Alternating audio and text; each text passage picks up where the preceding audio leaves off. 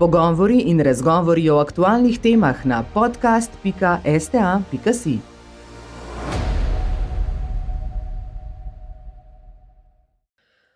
Dobrodošli pri podkastu Slovenske tiskovne agencije EU Konkretno, v okviru katerega vam predstavljamo različne vidike, programe in projekte Evropske unije ter učinke, ki jih ima na evropske državljane, tudi v Sloveniji. V tokratni epizodi se bomo posvetili svežnju pripravljeni na 55, ki bo povezavo pripravil na pot v podnebno neutralno družbo. Pred evropskimi podjetji in državljani so korenite spremembe, ki bodo temeljito spremenile načine, kako ljudje vozijo, se grejejo, proizvajajo ter upravljajo z gozdovi in zemljišči. Odzivi na svežen so različni, večinoma pa se strinjajo, da bodo pomembno vlogo igrali ravno državljani, ki bodo morali živeti te spremembe in jih sprejeti za svoje. Andrej Gnezda z Umanotere je izpostavil nekaj ključnih pomankljivosti svežnja. No, vsekakor bi morali cilje za znižanje emisij toplogrednih plinov, cilje učinkovite rabe energije in rabe obnovljivih verov energije dvigniti. Mi smo pričakovali iskreno više cilje na teh Eh, postavkah, predvsem zato, ker Evropa je ekonomsko, bom rekel, dovolj močna, da bi lahko dosegla te, te cilje, pa tudi zato, ker je zgodovinsko odgovorna za sorazmerno velik delež emisij. In če želimo globalno doseči podnebno neutralno še pravočasno, potem mora biti Evropa ena prvih, ki bo, bom rekel, dosegala te cilje in kazala, dajala zgled ostalim, ostalim državam sveta. Direktiva o energetski učinkovitosti vzpostavlja tako imenovano načelo energetska učinkovitost na prvem mestu, kar vsekakor pozdravljamo. Se pravi, države sedaj, ko bodo načrtovali neko novo infrastrukturo ali pa neke nove projekte, bodo morali upoštevati tudi, koliko in kako ti prispevajo k energetski učinkovitosti. To je novost, ki vsekakor gre v pravo smer in tu upamo, da bo tudi v sami izvedbi prinesla čim večje rezultate, seveda pa je odvisno tudi od držav članic, kako bodo to izvedle oziroma implementirale. Prav tako pozdravljamo spremembe vezane na energetske preglede v večjih podjetjih. Tudi tu je prišlo do določenih izboljšav.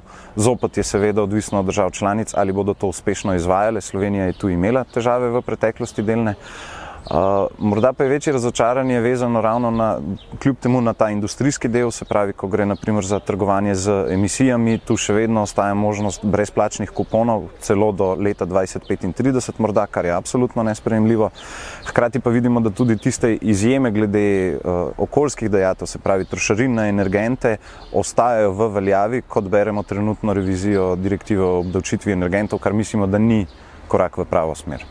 Absolutno bi morali ukiniti to brezplačno dodeljevanje emisijskih kuponov industriji, ker ti vemo, industrija kljub temu ustvarja zelo velik delež emisij v Evropi, pa tudi v Sloveniji in zato bi morali ravno na tistih največjih emiterjih bolj aktivno delati z temi predlogi, ki še naprej dopuščajo praktično brezplačno emitiranje oziroma celo služenje na račun tega, to vsekakor ne bo vodilo v razogličenje. Odnos do narave v Sloveniji je precej razvit, morda pa ljudje ne vedo vsakokrat, kako, kako na kakšen način vplivajo svojim življenjskim stilom na okolje. Uh, in morda v tem delu bi bilo sigurno potrebno še krepiti to ozaveščanje, se pravi, kako vsakodnevno lahko zmanjšujem lastne emisije.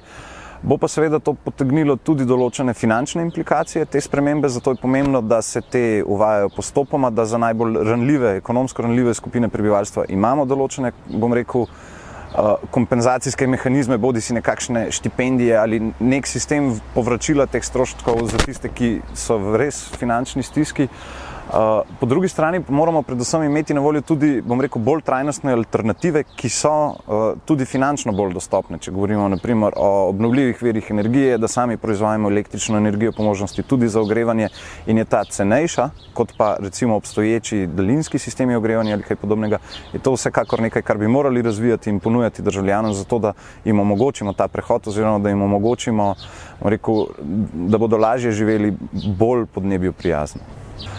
Sklad je primerna rešitev, vendar pa je zopet pomembno, kako bomo to implementirali, izvedli. V Sloveniji že vrsto let imamo sredstva za najbolj ranljiva uh, gospodinstva, ki so v energetski revščini, pa jih v, bom rekel, v zadnjih petih letih nismo uspeli podeliti, kar je zelo velika napaka in predvsem bojazen za naprej. Tu definitivno moramo izboljšati ta sistem in takoj pomagati ljudem, ki si ne morejo privoščiti ogrevanja ali električne energije.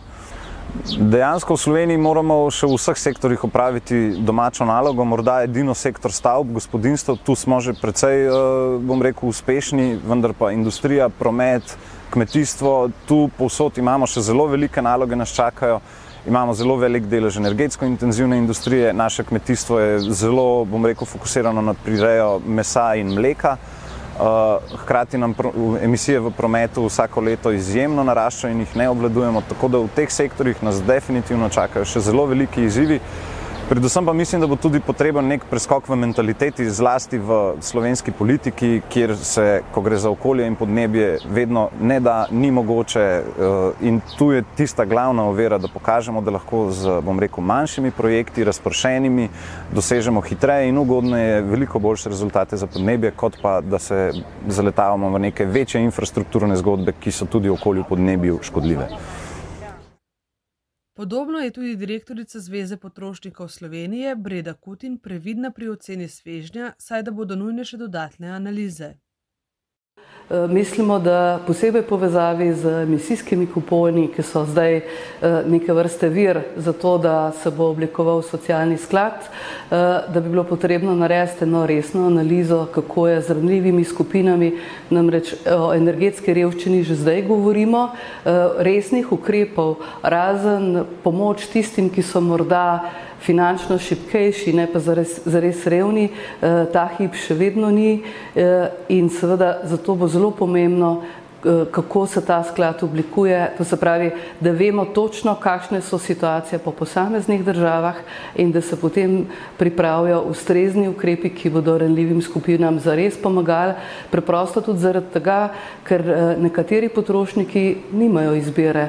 Eh, če mi samo pogledamo situacijo v Sloveniji, mi nažalost imamo izjemno slabo razvit javni transport in potrošniki oziroma državljani in državljanke preprosto nimajo izbire, eh, kako prideti, ne vem, peljati otroke v šole, jeti eh, v službo kot z osebnim avtom in tudi zato recimo je zelo pomembno, kakšne bodo pol tudi spodbude za to, da tisti, ki bi finančno recimo nekaj zmogli, eh, vseeno dobijo spodbudo za to, da bodo prešli na, na, na nizko oziroma brezoglično mobilnost.